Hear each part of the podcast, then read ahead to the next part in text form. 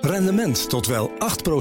Ontdek Unity. Wij bieden koppelbare werk, kantoor en opslagruimtes die staan voor duurzaamheid, kwaliteit en veelzijdigheid. Sluit je aan bij Unity, waar alle ruimte is voor creativiteit, lef en rendement. Kijk voor meer informatie op unity-units.nl. BNR Nieuwsradio. Boekenstein en de Wijk. Hugo Rijksma. Hoi, ik ben Fiona en in deze video geef ik je graag informatie en tips over grenzen stellen.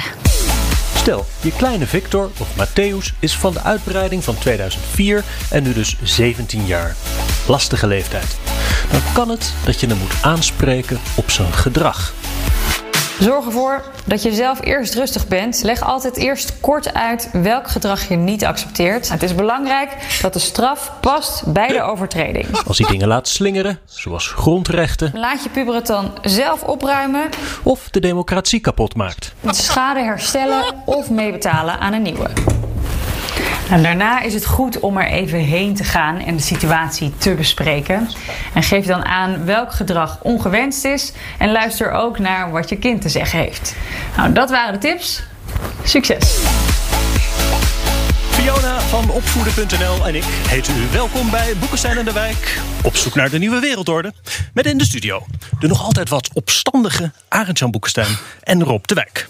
Onze gast is jonge vader Jeroen Leenaars, tevens CDA-europarlementariër en voor de EVP-fractie coördinator Justitie, Binnenlandse Zaken en Burgerlijke Vrijheden. Is die jonge vader? Goedenavond. Jeroen, van Ja. harte gefeliciteerd. Dat hoor ik Ja. nu allemaal. 15, eh, 15 maanden is hij inmiddels. Oh ja, nou, ja, ja, wel jong. Maar niet, niet- Nee, dat is jong. ja. Ik kan je Dus, de, eh, de filmpjes van Fiona aanraden. Die gaan eh, van, eh, helemaal van het begin tot aan de, de lastige leeftijd waar wij het nu over hebben. En Jeroen, Ook eh, op die toon gaat dat gewoon. Ja, zeker. Ehm, eh, even dus aansluitend bij Fiona. Hè, dat duidelijk formuleren welk gedrag precies we niet accepteren. Oefen eventjes voor, eh, hè, als, als je dat later allemaal met, eh, met de kleine Met zelf moet doornemen. Waar hebben we het dan hier over? Nou, oh, oh, nou, in ieder geval goed dat we voor de komende 17 jaar alvast materiaal hebben dan om, ehm, om hem op te voeden. Maar in, in de context van, ehm, eh, van bijvoorbeeld Polen, waar we het dan toch over gaan hebben, eh, is het eigenlijk gewoon dat we die afspraken natuurlijk al lang gemaakt hebben. Het is al lang duidelijk wat ongewenst gedrag is. Alleen ehm, dat dat ongewenste gedrag eh, is nog niet opgehouden. Eh, En in die situatie zitten we nu. En ik weet niet wat Fiona daarover te vertellen heeft. het volgende filmpje. Ja. Ehm, maar eh, ja, de escalatie is nu. Het Hoge Rechtshof dat heeft eh, gezegd dat de eigen wet eh, soms boven de Europese gaat. Hè? Dat is Ja, wat. ja nee, dat is al eigenlijk vanaf sinds 2015 al. Want dat is wel belangrijk. Belangrijk ook om, om eh, in ogenschouw te houden, is dat natuurlijk dat het Constitutioneel Hof wat deze uitspraak eh, gedaan heeft, zelf eh, al jarenlang onderwerp van kritiek is, omdat het een hof is wat ehm, eigenlijk compleet volgezet is met alleen maar vriendjes eh, van de regeringspartij. Eh, en als nu dan de premier dat hof, wat vol zit met zijn vriendjes, vraagt om een uitspraak te doen, of eigenlijk een uitspraak te bevestigen die hem politiek eh, goed uitkomt, of in ieder geval waarvan hij denkt dat het hem politiek goed uitkomt, dan moet je zo'n uitspraak natuurlijk sowieso al met een korreltje zout nemen. Ehm, eh, en dan los nog van de uitspraak zelf, dat gewoon een, een, een, een, ja, echt een aanval is op het fundament eh, en de rechtsorde van de Europese Unie als geheel. Maar Jeroen, een vraag aan jou. Ehm, ze krijgen 36 miljard uit het Europese eh, coronafonds. Ze Ja. krijgen ook 14 tot 16 miljard uit de cohesiefondsen. Beide zijn rechtsstatelijk geborgd. Hè, en, het, en Brussel gaat dat ook echt inzetten. Waar, zijn, waar is die Poolse regering in hemelsnaam mee bezig? Durven ze dit echt op het spel te zetten? Hoe denken ze hiermee weg te komen? Ik, eh, dat, dat was de vraag die ik mij ook stelde. Omdat eigenlijk ook, eh, ik was wel verrast door de uitspraak uiteindelijk. Omdat deze uitspraak van het Hof is een aantal keer uitgesteld. Meestal als dit soort uitspraken worden uitgesteld, dan betekent dat dat men toch nog goed de voor- en nadelen eh, van een bepaalde koers aan het afwegen is. Dus ik had eigenlijk gedacht dat toen de uitspraak uiteindelijk kwam, dat daar iets meer nuance in zou zitten dan er nu in zit. Eh, aanstaande, aanstaande dinsdag tijdens de plenaire vergadering van het Europees Parlement zal de premier van Polen naar Straatsburg komen. We zullen hierover debatteren en hij heeft zelf aangeboden: ik wil daarbij zijn. Ik wil mijn, eh, mijn eigen positie komen uitleggen. Ik wil uitkomen leggen hoe wij ook de toekomst van Polen in Europa zien.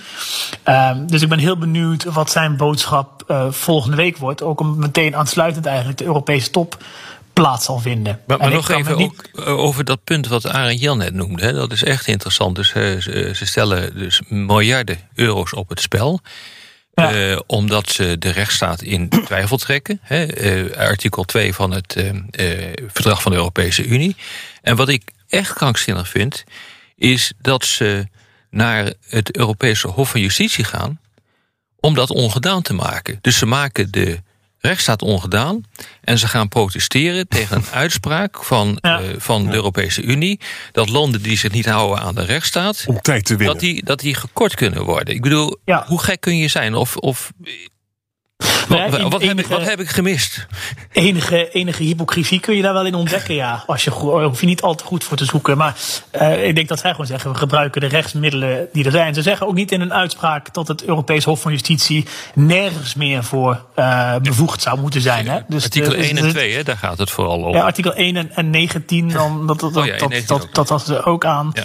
Ehm, Maar dan moeten we even Dus zeggen wat dat dan is. Hè? Dus artikel 1, eh, dat is het eh, streven naar een.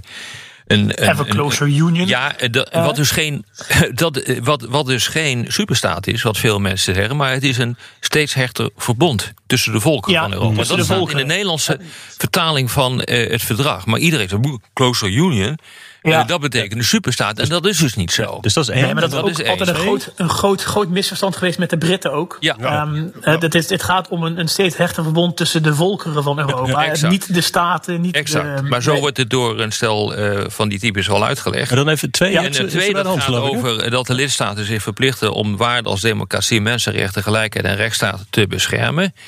Nou, als je Ja. dus kijkt eh, wat Polen heeft gedaan met het uitroepen van LHBTI. Ik blijf het moeilijk te Vrije om die, eh, om die letters Ja. achter elkaar te zetten. Eh, LHBTI vrije zones. Ja, Eh, dat is hiermee in strijd. Dat hebben ze trouwens nu wel, en dat is wel interessant, hebben ze Terug. teruggetrokken. Hè? Ja. Onder het dreigen van 125 miljoen euro. Dus kennelijk is, zijn die principes 125 miljoen euro waard. Eh, en het is teruggetrokken. En dat belooft, ja, Jeroen belooft dat wat goeds voor de dingen die komen gaan. Want 150 miljoen is volgens mij minder dan, wat was het? eh, 50 miljard bij 50 elkaar. miljard, ja. Ja. Nou, wat, kijk, wat, natuurlijk ehm, wel een, een, een soort van modus operandi zou kunnen zijn, is dat je zegt: wij doen een hele radicale uitspraak. Eh, want Brussel blokkeert op dit moment die, eh, die, die Poolse tranche uit dat herstelfonds toch. Ja. Dan doen we die uitspraak. eh, dan gaan er wat alarmbellen af, ook in, in Brussel. En dan hebben we misschien wat tijd om te gaan praten en te onderhandelen. Zodat we een manier vinden waarop wij misschien een klein beetje water bij de wijn Maar doen. waar, waar zou je en over dat Europa onderhandelen? dan. Minder Nee, dat- rechtsstaat, dat- ik denk minder dat democratie. Waar ga je dan over onderhandelen? Ja, kijk, ik, ik, ik probeer even me in te, Nee, nee, ik begrijp het heel, in te beelden in, in, in de. Poolse. En daar ben ik het ook mee eens. Maar de vraag is, maar ik ben, wat het, dan? ik ben het ermee eens. Ik, ik denk dat ze, dat ze danig onderschatten. eh, dat er in Europa, in de- in de Europese Unie, in Brussel, bij de Europese Commissie, bij het Europees Parlement, bij de andere lidstaten, helemaal geen animo is om over dit soort zaken te onderhandelen. Laat staan dat je erover kan onderhandelen. Want Ja. de, de, de, de rechtsorde van de Europese Unie is in die zin niet onderhandelbaar. Nou ja, Barnier, daaraan kijk, gaat- Barnier heeft ook zoiets gezegd hè, in Frankrijk. Die zei van, ja, moeten dat nou allemaal toestaan? Ja. Eh, al die eh, grote hoeveelheden eh, Ja, migranten ook- die ook- op ons grondgebied... je ziet het natuurlijk in, bij Orbán in, in Hongarije. Nou, de, de, de, premier van, van, van, van, van Tsjechië is, heeft het veld geruimd, lijkt het. Eh, maar die zat natuurlijk ook op die tour. Eh, dus het, het is wel een sentiment dat wel leeft in een aantal landen. Hè? Ja, en er komt, nog iets, er komt nog iets anders bij, Jeroen, als ik het mag zeggen. Van, kijk, weet je, we hebben allemaal gehoopt dat Trump het niet zou worden. Die werd het wel. Hè? We hebben allemaal gehoopt dat Brexit nooit zou gebeuren. Is wel gebeurd. Ik, ik denk dus dat Polen doet dit om electorale redenen. Ze hebben een absolute meerderheid. Hè? Het districtenstelsel, dus ze hebben geen echte absoluut. Maar goed, en dat, die achterban moet worden bediend. Er zijn pas verkiezingen in 2023, maar ze zijn heel duidelijk bezig om die achterban te voeden. Jeroen, soms lig ik s'nachts wakker en dan denk ik van mijn hemel zeg. Ze hebben zichzelf gewoon vastgeschilderd. Ze komen hier niet meer uit terug. Brussel kan hier niet over onderhandelen. En straks gaan we dus naar een systeem dat we echt Dat ze er echt zelf uitstappen. Ja, dat Ah, is maar ik ben, de vraag. Kijk, ik, ik ook daar, ook daar ja, dat is- ik zet dat op mijn vraagtekens bij. Omdat de eh, Polen, de Poolse bevolking, is, is een van de meest pro-Europese Ja, is eh, ook bevolkingen 80%, van. eh, 80%. ja, 80% is pro-Europa. Dus ik, ik zie niet per se in hoe je. Eh, hoe dit een electorale strategie zou zijn van de, van de regeringspartij. Los nog van het feit dat ja, ze hebben een absolute meerderheid, maar middels een coalitie. En dat, dat, dat, rommelt, eh, dat rommelt al tijden daar. Met, met een Eh, partij die nog rechtser is dan PiS, toch? ja, ja, en meneer Kaczynski, die, die zeg maar vanaf zijn boerderijtje op het platteland eigenlijk aan alle touwtjes trekt, die, is, Ja. die, is- die heeft gisteren ontslag genomen als, ehm, als eh, ik geloof, vicepremier, om zich volledig op de partij te kunnen richten. Ook omdat binnen die partij, naar aanleiding van de, de huidige ontwikkelingen, echt al wat tweestrijd ontstaan is. Tussen een groep die zegt. Jongens, laten we het niet op de spits drijven. Laten we een klein beetje eh, rust nemen. En laten we onze banden met Europa niet te veel beschadigen. En onszelf niet in de voet schieten. En er zit een, een, een- een deel wat zegt. eh, eh, we moeten hier radicaal vol op het, het Trumpiaanse orgel. Maar, maar, maar, maar Jeroen, even nog terug naar eh, wat Arend Jan net zei. Hè? Ehm, of ze eruit stappen. Maar wat voor ongelukken kunnen hier gebeuren? Ik denk dat het eigenlijk gewoon het hele punt is. Wat, wat zou hier nou echt verschrikkelijk mis kunnen gaan? In de huidige situatie, kijk, eh, zoals je weet, we, de Europese Unie, we kunnen geen landen eruit zetten. Nee. Dat is geen, eh, dat is geen optie. Eh, Dat dus is wel jammer we hebben, eigenlijk. Nou ja, als het zover al ooit zou moeten komen, dan, dan, dan ben je al drie stappen te ver ook. Maar wat Polen nu doet, is als ze er niet zelf uitstappen, als ze zichzelf volledig buiten de rechtsorde van de Europese Unie plaatsen, dan, dan, dan sta je eigenlijk al aan de buitenkant. Want dan kunnen we geen Europese, subsidies toekennen aan Polen als we niet zeker zijn dat die ook geborgd zijn, dat die op de manier uitgegeven worden zoals we dat afgesproken hebben. En dat er uiteindelijk nog een scheidsrechter is in Luxemburg die daarover kan oordelen. Dan kun je geen justitiële samenwerking hebben. En jullie weten ook, de, de Ja. rechtbank in Amsterdam heeft al een keer aan het Europees Hof van Justitie gevraagd. Want kunnen wij eigenlijk nog wel verdachten uitleveren als Polen daarom vraagt? Ja. Gezien het feit dat de, de, de rechtsstaat daar niet meer ehm, gegeven is. Ja, dus op het moment dat je dit doet, eh, dan plaats je jezelf sowieso al buiten de hele eh, systeem van samenwerken binnen de Europese Nou ja, Unie. En en dan, ondanks dan zegt een aantal mensen, so what? Eh, wat veel mensen niet weten is dat de Nederlandse grondwet erkent dat verdragen boven de grondwet gaan. Dat is in heel veel landen te doen gebruikelijk. Als je gewoon kijkt wat er op, op Twitter, op Facebook en zo gebeurt hierover, dan zegt men, maar elk land moet er gewoon over zijn eigen wetten kunnen gaan. Dat als je niet veel verstand van zaken hebt, dan klinkt dat heel plausibel. Wat, wat, Jeroen, wat zeg je tegen die mensen? Waarom Nou, het wel eh, belangrijk wat- is dat wat- verdragen boven eh, de grondwet gaan en waarom het verstandig is om wetten te gaan harmoniseren. Wat ik eh, in het café in mijn eigen dorp gezegd heb, is, is eigenlijk is heel simpel. Je bent met, met 27 landen, vorm je één unie, je vormt één markt. Dat betekent dat je ook gezamenlijke regels moet hebben. Want als iedereen zijn eigen regeltjes maakt, dan schiet dat niet op. Maar dat betekent ook dat je die regels samen moet handhaven. En wat Polen nu doet, is eigenlijk hetzelfde als wanneer PSV, ik ben een PSV-supporter, als PSV zou zeggen: eh, ik neem voortaan na iedere wedstrijd in de Eredivisie mijn eigen scheidsrechter mee. En dan bepaal ik ook dat voor die specifieke wedstrijd voor PSV buitenspel niet geldt. En dat doen ze bij PSV niet. Dat is op zich leuk, dat is op zich leuk voor PSV. Maar voor de Eredivisie als geheel gaat dat natuurlijk nooit werken. En zo werkt het ook voor de Europese Unie. Je, je moet erop kunnen vertrouwen. Ook Nederlandse ondernemers, MKB'ers moeten erop kunnen vertrouwen dat als wij met Polen in één markt zitten, dat Poolse bedrijven en Poolse MKB'ers aan dezelfde regels moeten voldoen als de Nederlandse. En dat als daar oneenigheid over bestaat, dat we een onafhankelijke, onpartijdige, centrale scheidsrechter hebben die daarover uit kan spreken. En dat is alleen het Europees Hof in Luxemburg. En als Polen dat niet meer wil accepteren, ja, dan zet je dus eigenlijk buiten de eredivisie. BNR Nieuwsradio. Boekenstein en de Wijk. Op zoek naar de nieuwe wereldorde. Dit is Boekenstein en de Wijk. En dat programma is natuurlijk niet zonder Arend-Jan Boekenstein en Rob de Wijk. Mijn naam is Hugo Reitsma. Onze gast is Jeroen Leenaars. En we hebben het over grenzen stellen. En over de eredivisie. eh, inmiddels. PSV. Ik hou Nou niet van dus ik kan er geen zinnig woord over zeggen. Hey Jeroen, eh, eh, vanuit de regeringsleiders, die natuurlijk uiteindelijk de machthebbers zijn, hoor je nu en, en eerder ook tegen Orbán, na wat had hij, die ook die, die, die homopropaganda-wetten, ineens veel hardere taal dan, dan eerder. Is er nu echt een, een moment dat, dat die landen gewoon te ver zijn gegaan, na al die jaren spelletjes met Ja. de rechtsstaat en de democratie? Dat denk ik sowieso. Maar ik denk ook dat heel veel regeringsleiders nu eindelijk in de gaten hebben dat zolang ze uh, alles met de mantel der liefde blijven bedekken, het niet, uh, het niet ophoudt.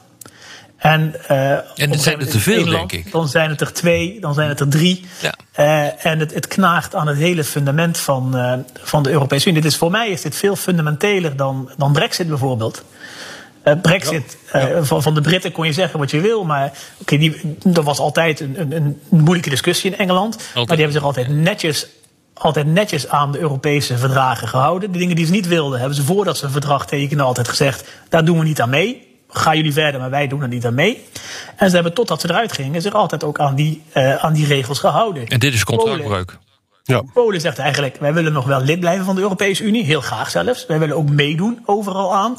Eh, maar we bepalen wel zelf welke regeltjes nog wel en niet voor ons gelden en, en wie daar dan iets over mag zeggen. Ja, en dat maar, werkt wat kan je nou eh, in, in, in uiterste instantie doen? We kunnen ze er niet uitgooien, dat is een ding dat zeker is. Maar wat, wat, wat kan je nou eigenlijk doen? Wat zijn nou de ultieme pressiemiddelen? Dat is dus die, die tientallen miljarden, ze onthouden maar... 10% van de BNP. Ja, nee, dat hakt er flink in. Maar wat, wat oké, nou, stel je voor dat heeft geen effect. Wat gaan we dan doen? Kijk, echte verandering eh, in, in een democratie... die kun je ook niet vanuit Brussel afdwingen. Die zal uiteindelijk via het stemhokje in Polen moeten gebeuren. Uh, en je zag afgelopen weekend zag je al honderdduizenden Polen de straat op gaan mm met Europese mm vlaggen. Uh, je ziet dat het, het, het, het, het, sentiment in de Poolse bevolking uh, ook wel echt een beetje aan het veranderen is. Die zien ook dat er met hun toekomst gespeeld wordt.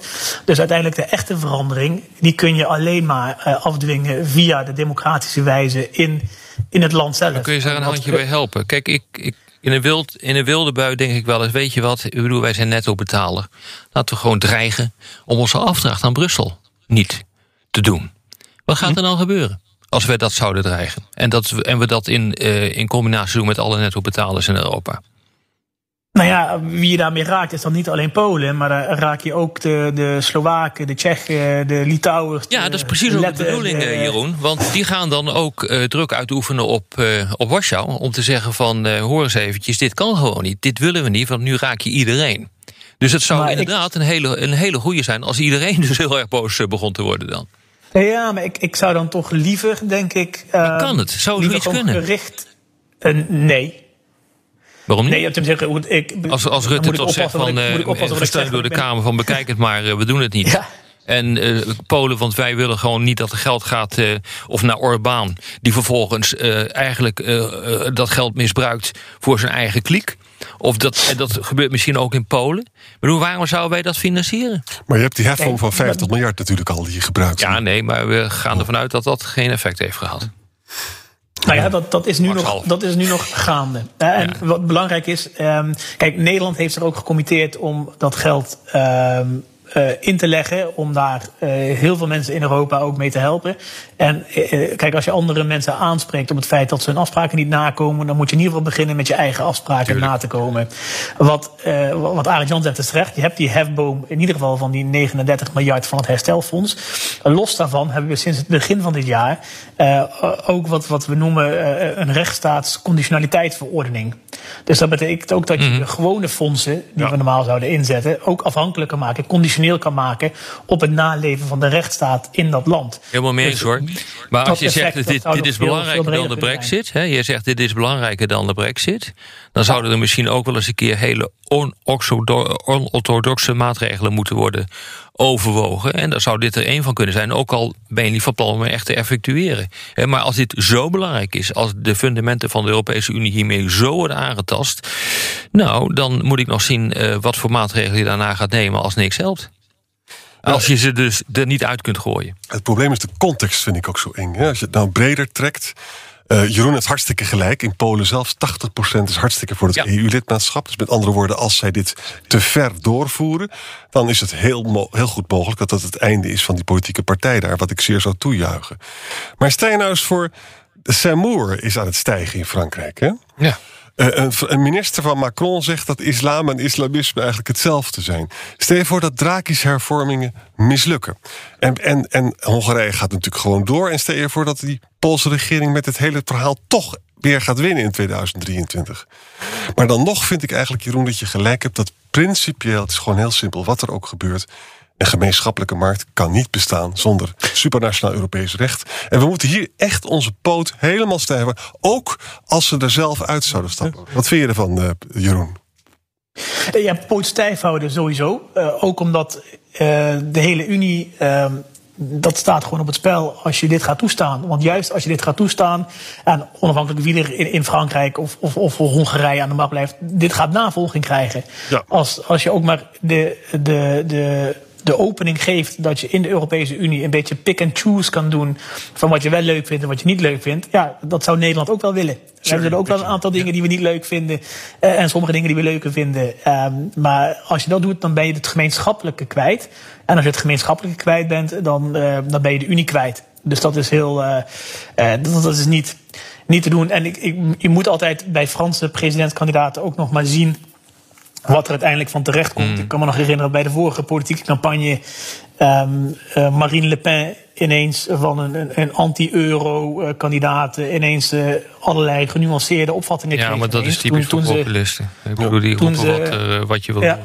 Vol, volgens, mij, volgens mij wil Hugo wat zeggen. Oh, zo, ja. Nou, ik, ik zat nog even op, komt er gewoon niet meer tussen. Ik, nee, ja, dat is ook niet. Ik, ik zat nog eventjes te denken aan uh, eerder dat punt van... kan je ook nog iets doen om, om de progressieve elementen in de bevolking te steunen? Ja, Want je hebt dus wel demonstraties. Je ziet in Tsjechië dat die, die populistische premier daar is weggestemd... door een soort front van de oppositie. In Hongarije willen ze ongeveer hetzelfde gaan, gaan proberen... bij de verkiezingen in het voorjaar. Ja, maar dat moet dat wel bin, van binnenuit gebeuren. Ja. Ik bedoel, hm. van buitenaf, hè, dat leert de geschiedenis geschiedenis is dat een niet zeer effectieve strategie. Want dan ben je een soort Soros. Hè? En Soros schijnt ja. dus iets heel erg te zijn. Ja, dat totaal dus je moet dat, je moet dat echt van binnenuit doen. En ik ja. vind het dus wel aardig om te zien wat er nu gebeurt in, in Tsjechië. Dat is ook, nou, wat je zegt, Hongarije, dat begint die kant ook op te gaan. Polen misschien ook. Maar ja, dat, dat moet echt van binnenuit komen. Anders gaat het niet werken als werk contraproductief. Wijst de geschiedenis maar, uit. Ik denk dat dat wel belangrijk is. Um, voor, voor, het, voor de beeldvorming die je neerzet. Dat je, dat je altijd moet oppassen met al te veel te spreken in, uh, in termen van straffen en dergelijke. Mm -hmm. Want je moet ook niet vergeten dat uh, zo'n regeringspartij in Polen een best wel stevige greep heeft op, op de media in het land. Ja. En als je vanuit Europa de retoriek iets te hard maakt van het straffen, dan geef je hen eigenlijk de kans om uh, uh, EU-skepsis in de bevolking aan te wakkeren en zichzelf te presenteren als een soort uh, koene verdediger van het vaderland. Ja, het is een duidelijk dilemma hoor. Je, je, moet het, maar je moet het echt neerzetten als: luister, dit zijn de afspraken die we hebben. Het is geen straf, maar het is gewoon een hele logische consequentie van keuzes die deze regering maakt. Maar zie jij, zie jij nu uh, dat er echt terugduwende bewegingen zijn uh, in al die landen? we hebben het net even over Hongarije gehad. Uh, Tsjechië. in, Tsjechië, in Tsjechië zijn Tsjechië is heel interessant, maar zie je, zie, je dat, zie je dat meer, vind je? Ja, in, in Tsjechië zijn ze nu waarschijnlijk dan van Babiš af. Je ziet in Hongarije is het spannender dan ooit.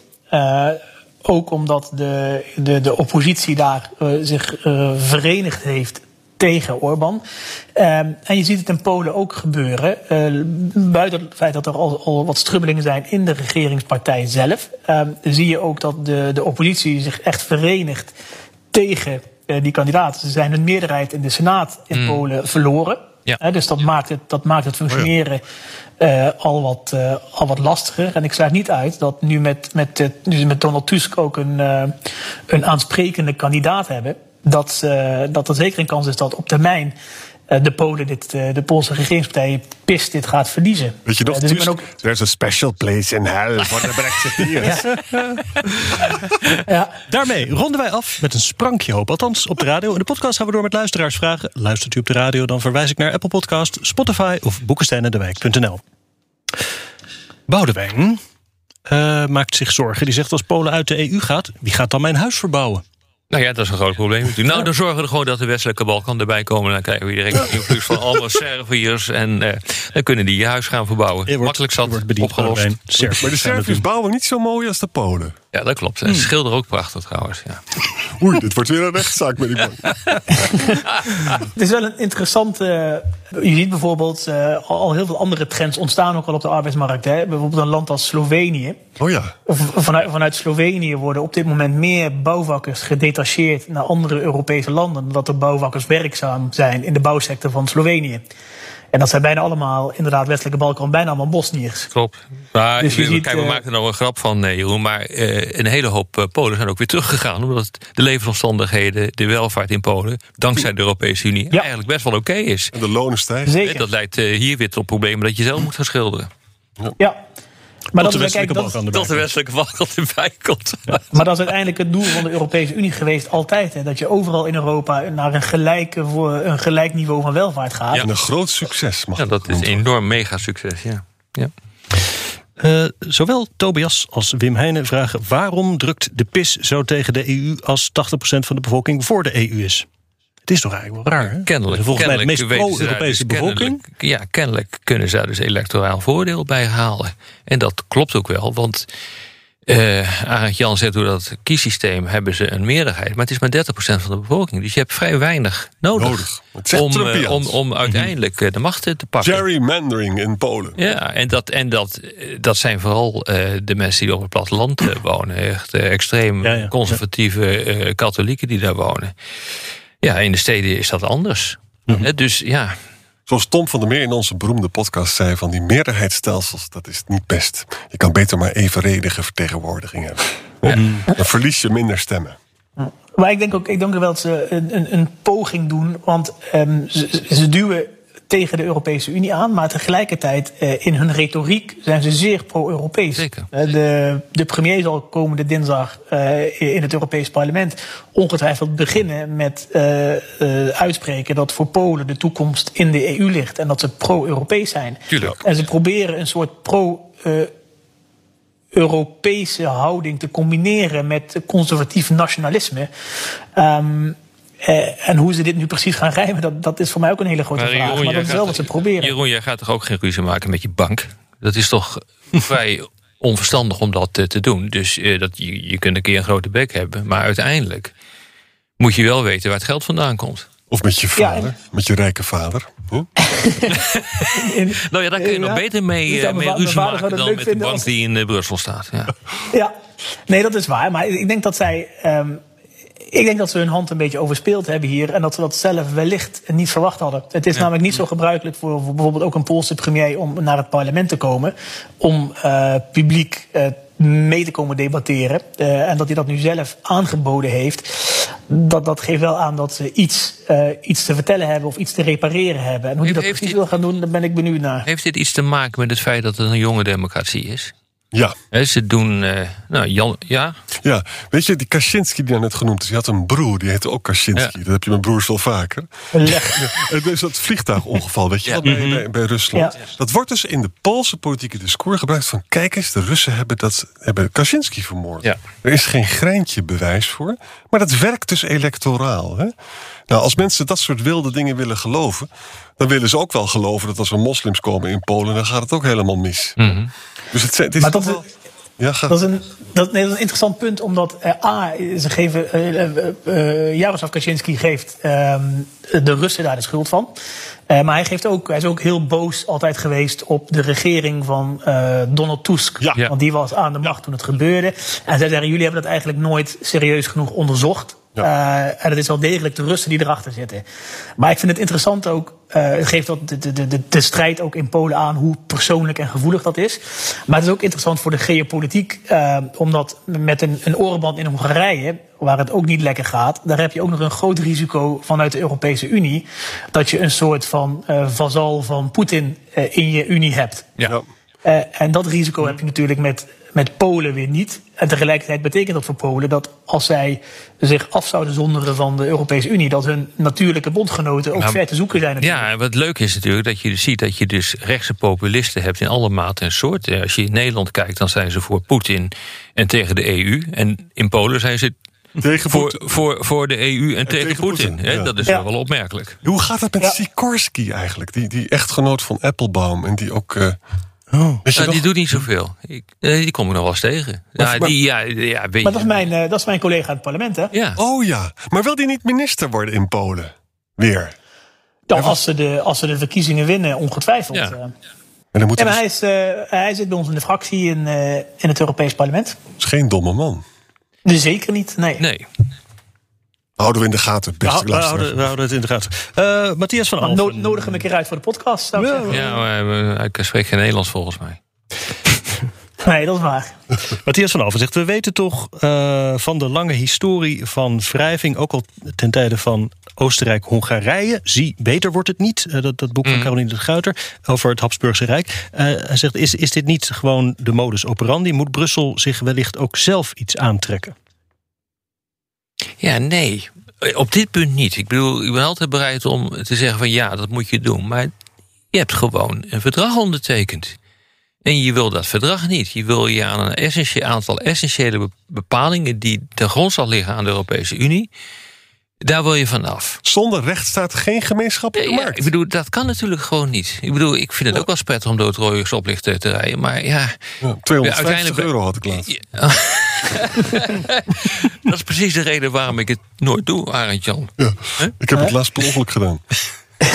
Dit knippen we eruit, Hugo. Ja, geen probleem, geen probleem. Nee, dat laten we staan. Nee. Ik denk niet dat eh, in deze specifieke zaak dat, dat eh, Europa zichzelf weinig te verwijten heeft. Ik denk wel als je in, in een veel breder perspectief kijkt. Wat, wat natuurlijk zeker in de jaren eh, richting de financiële crisis eh, gebeurd is, is dat Europa heel nadrukkelijk eh, naar, naar markt keek, naar eh, vrije markt. En je ziet er ook wel de gevolgen van op bijvoorbeeld het Poolse platteland. In de steden gaat het heel goed. En daar is ook veel van de, de economische groei in Polen dankzij de Europese Unie terechtgekomen. Maar op het platteland in Polen zie je soms ook wel echt hele schrijnende situaties. Van hele dorpen waar de hele werkende bevolking naar het westen vertrokken is. Waar alle, alle voorzieningen verdwenen zijn. En waar mensen zich aan het afvragen zijn, wat doen we hier eigenlijk? En dat is wel uiteindelijk een, de machtsbasis van een partij als, eh, als PIS. En in Ja, die zin in, in het hele bredere perspectief denk ik dat daar de Europese Unie eh, te laat zich gerealiseerd heeft dat het een, een sociale markteconomie moet zijn en niet alleen maar een vrije markteconomie. Ik heb nog verschillende vragen die gaan over eh, uittreden van eh, landen uit de EU en wat dat voor de Russen of voor Chinezen en hun invloed in Europa zou betekenen. Nou, dat is vrij simpel. Als het echt zou leiden tot een polexit, dan vindt Poetin dat geweldig. Dat is een enorm prestigeverlies. De Chinezen vinden dat ook geweldig. Ja, dus dat is al een reden om dat niet te doen voor, eh, voor de Polen. Het is wel verstandig om, als je iets tegen Rusland hebt, om in een club te blijven die je kan beschermen. Of dat nou de NAVO of de Europese Unie is. Hè, dat, dat begrijpen zij ook wel. Hè, Die, die, die, die, die reden zit daar natuurlijk in heel sterke mate achter. Maar als de boel uit elkaar klapt. hè, dan, en dat, dat, dat kan altijd gebeuren. Als dit dus een eh, fenomeen is wat in heel veel andere landen ook te, te zien is. En daardoor gaat het echt schuiven. Ja, ik bedoel, dan staan ze natuurlijk wel eh, te juichen in, eh, in het Kremlin en in de verboden stad in, eh, in Beijing.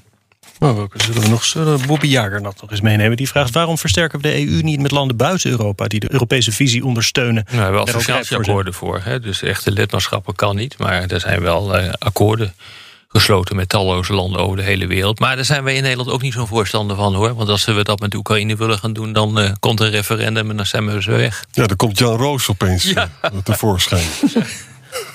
en die denkt dat er dan een Europese leger dan komt. Ja, maar je, wil je landen aan je binden op een of andere manier? Je had het net over Rusland en China. Dan is het wel zeer verstandig om een aantal landen aan je te binden. Nou, daar zijn die associatieakkoorden. Of wat voor akkoord dan ook met de Europese Unie of handelsakkoorden zijn daar wel echt fantastisch voor. En heel succesvol. Ja, en die, die, die, die, die, die krijgen steeds meer een geopolitieke lading. Om dit voor elkaar te krijgen. Ja. Daar, daar gaat het wel goed, alleen intern nog niet zo. Lees het boek van Rob de Wijk. Maar dat is ook wel een, dat is ook wel een interessante eh, manier om te- hoe je kijkt naar Europese uitbreiding. Want ook daar kijken we naar Nederland natuurlijk vaak heel kritisch. Ja. Want nog meer landen erbij en het is al zo moeilijk en het is, ge- levert altijd gedoe op. Tegelijkertijd zie je nu op de, op de westelijke Balkan ook wel een soort van geopolitieke strijd ontstaan. Met China die zich daar mengt, Rusland die zich daar mengt. En als je die landen, als je er niet in slaagt om die landen met de neus richting Europa te laten Dat is staan. een probleem hoor. Ben je nog verder van Ja. huis? Ja. Maar je, kijk, je, je moet je eens proberen voor te stellen, gewoon in algemene zin, wie dat dan ook eh, wil doen, wat er was gebeurd als deze landen waar we het nu over hebben niet bij de Europese Unie waren gekomen en de Europese Unie niet was uitgebreid. Dan Oost-Europa. had je eigenlijk. ten- Bolkestein wil dat niet, weet je nog? Nee, dat klopt, maar dat is geopolitiek gezien. En vanuit de st- Heel verstandig. is dat is dat, nou ja, nee, het niet uitbreiden is uitermate stom. Ja. Want dan had je gewoon één groot Oekraïne gehad eh, ten oosten van, eh, van Duitsland. En dat wordt iedere keer maar vergeten. Maar dit is de belangrijkste reden geweest Ja. om, ehm, om de Europese Unie uit te breiden met die landen. Dat is gewoon de reden geweest. En dat gaat terug op, op ideeën van Emmanuel Kant en zo honderden jaren geleden. En het bestendigen van democratie in Griekenland, in Ja, Spanje exact. en in Portugal. Het is allemaal gelukt. Hè?